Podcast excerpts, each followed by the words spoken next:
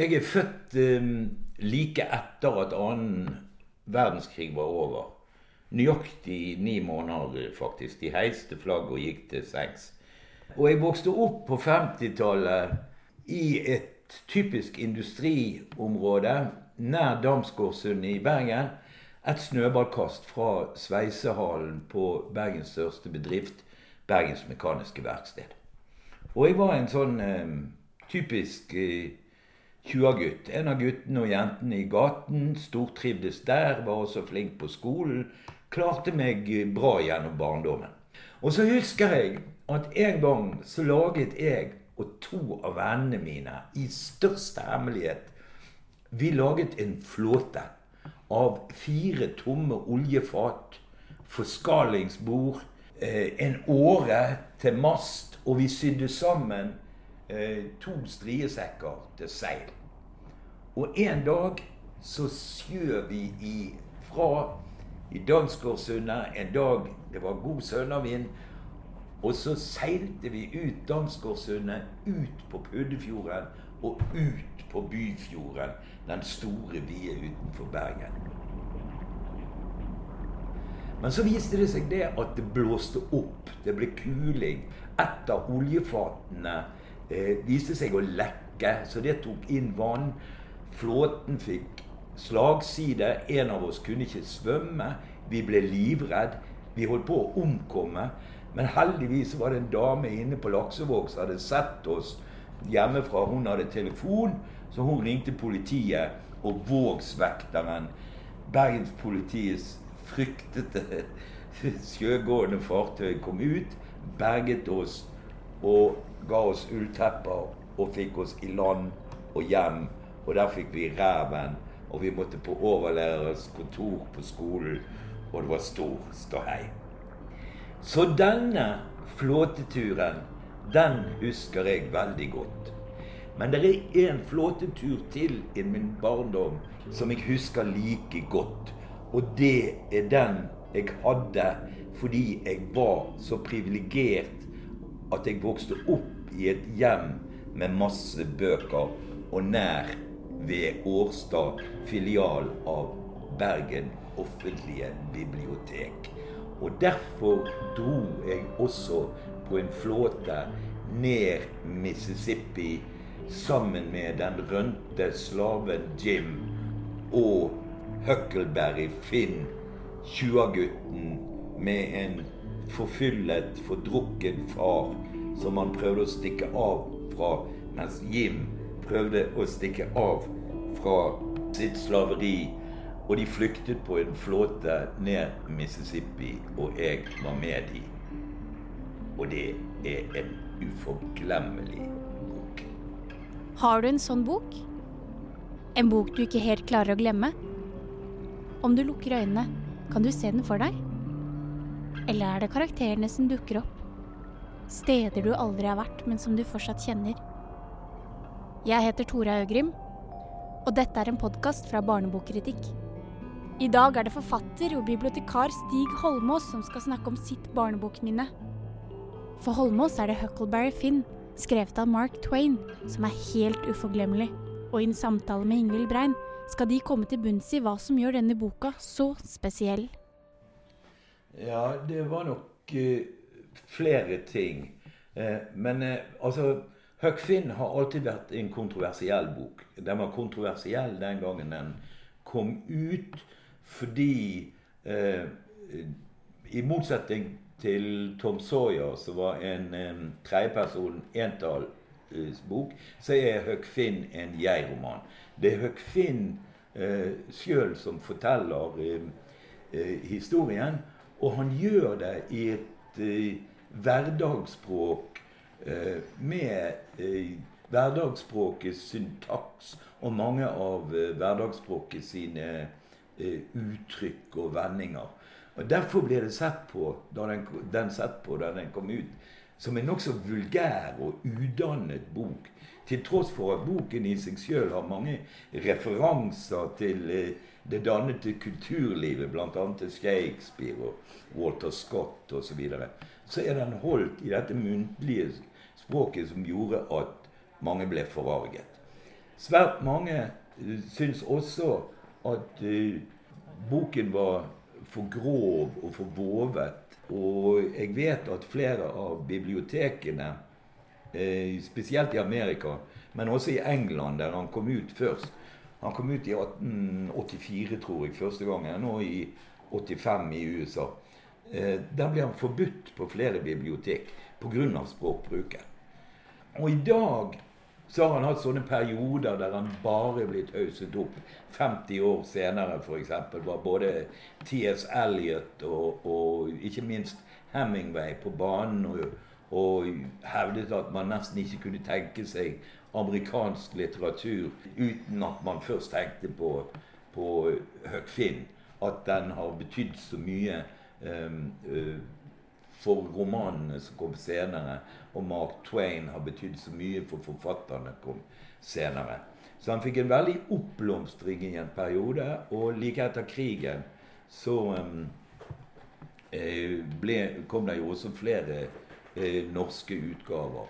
Og den jeg leste, tror jeg var den som var oversatt av Sinken Hopp og kom i 1949. Men det var den som du valgte fremfor mange andre bøker som du har hatt stor glede av?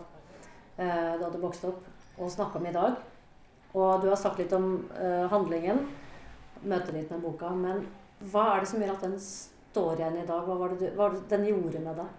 Det ene er jo at uh, jeg var så begeistret for hovedpersonen.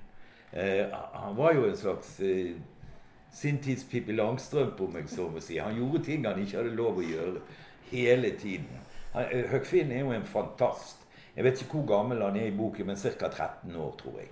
Og han er en, eh, han er en fantast. I løpet av denne romanen så har han i alle fall vært en fire-fem forskjellige personer og hatt forskjellige navn.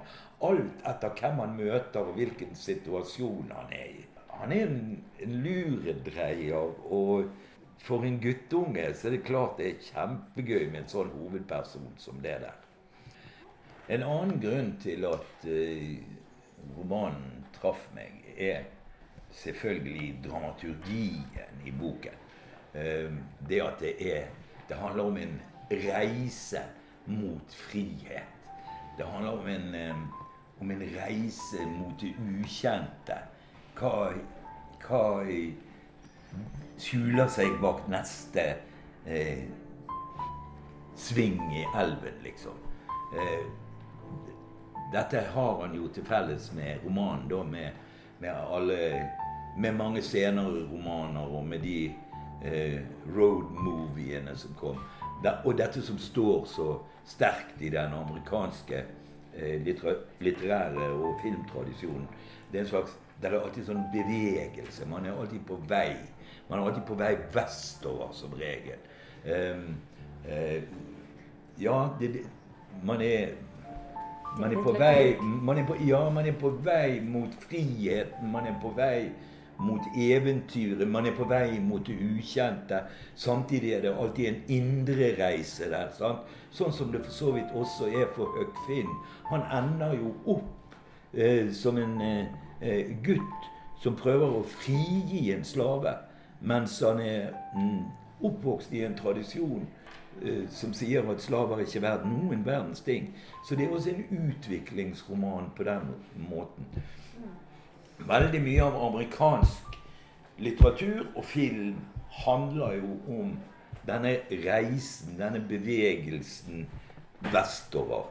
Eh, det er jo et land som bare er 400 år gammelt. Altså Det er bare 400 år siden Mayflower landet og pilegrimene gikk i land. Eh, og det tok lang, lang tid eh, før de klarte å erobre mm, det kontinentet som eh, lå vest for dem. De, de, kom seg i løpet av et par hundre år. Så fikk de kol kolonialisert landet øst for Mississippi. men det skulle ennå gå lang, lang tid før de hadde utforsket og kolonialisert alt landet vest for uh, Mississippi. Og uh, selv om romanen til Mark Twain er skrevet etter den amerikanske borgerkrigen, så foregår handlingen før. Den foregår i årene før. Den foregår når eh, alle sydstatene eh, fortsatt var slavestater. En av tingene som har gjort Huck Finn kontroversiell, er bruken av ordet neger og nigger. Blant nordiske klassikere har lada ord blitt endra. Allerede i 2006 endret Barnetimen i NRK tittelen til Pippis pappa fra negerkonge til sydhavskonge. Holmås mener Huck Finn ikke burde utsettes for det samme. Eh, den har alltid vært kontroversiell, denne boken. Først fordi at han brukte hverdagsspråk og sleng og sjargong og var grov og udannet. Og, og, siden for det ene og så for det andre. Og i dag er han også kontroversiell pga. Uh, av sin hyppige bruk av ordet neger. Da. Og enda verre, ikke sant. Sånn at uh, på en måte uh, Han er midt oppe i denne debatten her.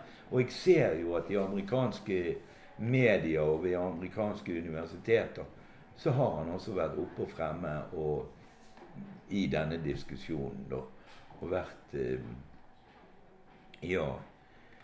Det har vært uttrykt mange forskjellige meninger om dette. Jeg syns jo det er et vanskelig spørsmål sjøl, da. Fordi at eh, på den ene siden så bruker jeg jo sjøl aldri N-ordet, da. Aldri. Eh, og det har en enkel forklaring, nemlig at eh, Altså det er av samme grunn som nesten ingen andre bruker det heller. Det er fordi at de det, de det dreier seg om, liker ikke at ordet blir brukt. Så enkelt er det, og ja, ok, da bruker vi ikke det. Men når det gjelder Historien derimot, for nå snakker vi om en roman altså, som ble skrevet i 1984. Her mener Stig selvsagt 1884, men verken Holmås eller Brein la merke til glippen. Og, og handlingen foregår på den tiden Mark Twain sjøl var gutt. altså Han var vel født i 35, 1835, tror jeg. Tiden før borgerkrigen. Og da var jo dette ordet et ord som ble brukt absolutt hele tiden. Og i en roman skrevet den tiden da den ble skrevet, så blir det veldig rart hvis du fjerner det. Altså eh, Det tar litt av kraften av romanen. Og spør du meg òg, det fjerner litt av grusomhetene i slaveriet eh, grusomhetene i behandlingen av slavene hvis man plutselig skal erstatte det der ordet med andre ord og begreper. Det blir, eh, det blir en slags historieforfalskning, tenker jeg. Jeg har en bok eh, med ca. 100 bilder fra Sovjetunionens eh, Stalin-tid. Og det er en bok som viser fotografiet slik det egentlig var, og fotografiet slik det kom til å bli i Stalin-tiden. Så et fotografi av Stalin ved siden av Trotskij eh, Der bytter man ut i Stalin-perioden fordi Trotskij ikke lenger var kommet på. Han ble sett på som en fiende av eh, stalinismen. Så bytter man han ut på fotografiet med en blomsterpotte. Og jeg har altså en bok med, med 100 sånne eh, fotografier eh, av, eh, som viser hvordan Stalin-tiden forfalsket historien på denne måten. Eh, og vi kan lett ende opp der hvis vi eh, begynner å tukle med ordene i bøkene. Huck Finn handler mye om slavenes historie. Det er et tema som ligger Holmås nært. Ja, det var nok der eh, også under lesningen. Og jeg husker at jeg, eh, jeg husker at jeg tenkte på og fikk med meg det at, de to på en måte bokstavelig talt var i samme båt. Huck Finn var på flukt fra en eh voldelig og fordrukken far. Og eh, Jim var på flukt fra slaveriet. Um, og det, det, om jeg ikke tenkte begrepet antirasisme, så forsto jeg at det lå en slags antirasisme i det at en hvit og en svart sammen prøvde å eh, flykte. Jeg forsto nok det. Eh, men det var dette eventyret, denne reisen og alt det ukjente i, bak hver sving, som jeg har sagt, og alle spilloppene og dette eh, var kanskje det viktigste. Er det en forbindelse her til din interesse for indianerlitteratur, som du både har lest mye og skrevet mye selv? Altså En av uh, grunnene til at jeg sjøl ble forfatter Og jeg har jo diktet på papiret siden jeg uh, lærte meg å sette sammen bokstaver til ord og ord til setninger. Så har jo jeg holdt på med dette her. Mitt første publikum var jo eh, mine, Min første leser og mitt første publikum var mine egne klassekamerater på Nykronborg skole. Og jeg skrev vel min første roman når jeg gikk i fjerde klasse eller noe sånt. Den tok utgangspunkt i undertrykkingen av nordamerikanske indianere. Faktisk så tidlig som det. Lenge, lenge før Dee Brown hadde skrevet sin fantastiske bok 'Bury My Heart at Wounded Knee', som var en vekker for meg og veldig mange andre som kom på 1970-tallet. Men jeg forsto tidlig at noe var galt med eh, behandlingen av nordamerikanske indianerne. Jeg forsto at det var noe i cowboyfilmene vi så i Alorado og Forum kino som ikke stemte. Eh, de hylende, blodtørstige indianerne mot de snille, potetdyrkende hvite tror jeg tidlig jeg skjønte det var noe galt med den versjonen der. Dette er jo tolkningen av den boka som eh, det som du sier nå, den amerikanske historien, 'Reise mot friheten', du uoppdagede, det eventyrlige. Uh, og så er det jo noen som også sier at uh, i Huck Finn-romanen så er det Mississippi som er hovedpersonen. Eller ja, en, ja, det er den tredje hovedpersonen, ikke sant? Ja.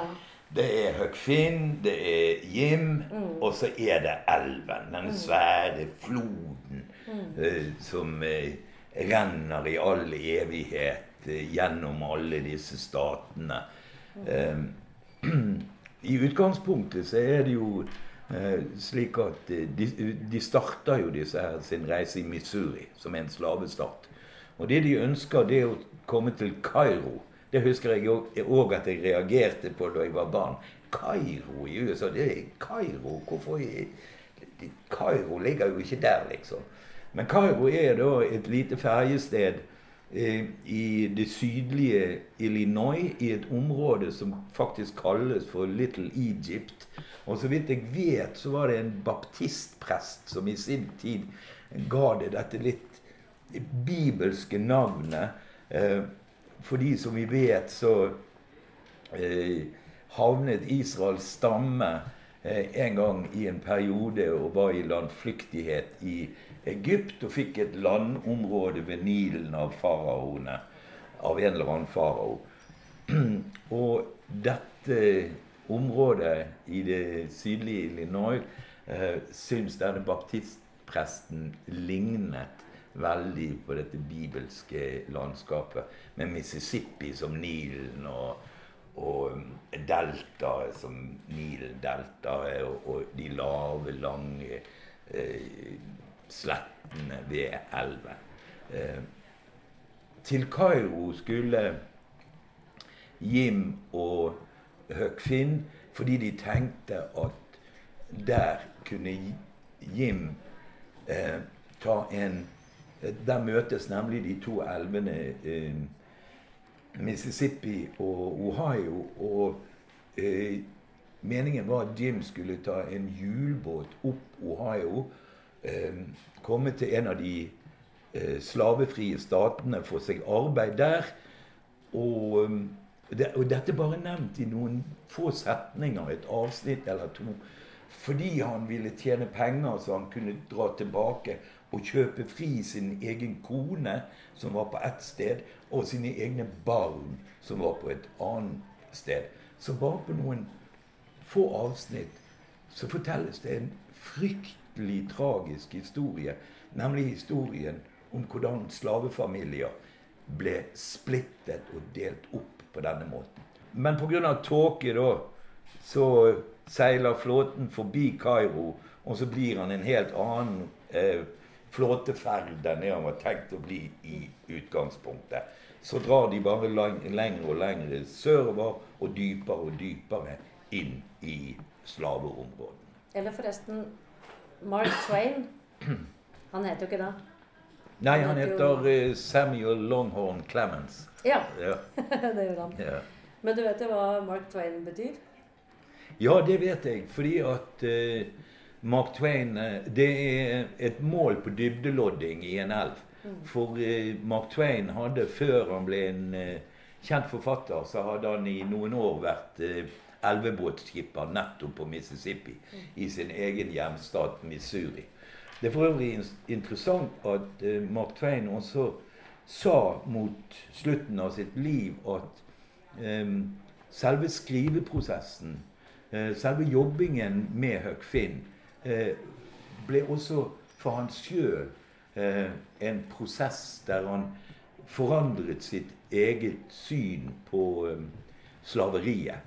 Han var oppvokst som sagt i en slavestat. Hans far var advokat. Han var født i 1835, tror jeg. Hans far var advokat og hadde ikke slaver. Men de dro på ferie på, på, på stedet, på gården til onkelen hans.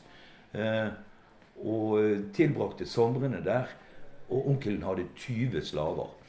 Så Mark Twain sier sjøl at for han var slaveriet når han vokste opp, en slags selvfølge. Det var noe han ikke tenkte over i det hele tatt. Det var uh, først da han gikk i gang med Huck Finn, at han fikk begynte å få et helt nytt perspektiv på denne grusomme virksomheten som så stor del av amerikansk økonomi var basert på. Jeg tenker også at um, Mark Twain, som da uh, ganske riktig du sa det var et dybdemål, det betyr to favners dyp? Ja, det betyr to favners dyp. Ja. Twain er jo en gammel ja, engelsk form de ropte, de ropte, ja, de ropte de hadde en mann forut med, med et slags blysøkke som sto mm. forut og målte dybden i elven. Fordi at eh, bunnen i elven forandrer seg hele tiden. For han består av sand og mudder eh, som kommer nedover i, til evig tid. Og derfor forandrer bunnen seg. Så han ropte opp til kapteinen i styrehuset. Mark Twain, ropte han. Og da visste de at to favner dypt jeg tenker også på at han Mark Twain er jo sagt å stå opp for Eller å være mot menneskelig smålighet. Det kunne han ikke med.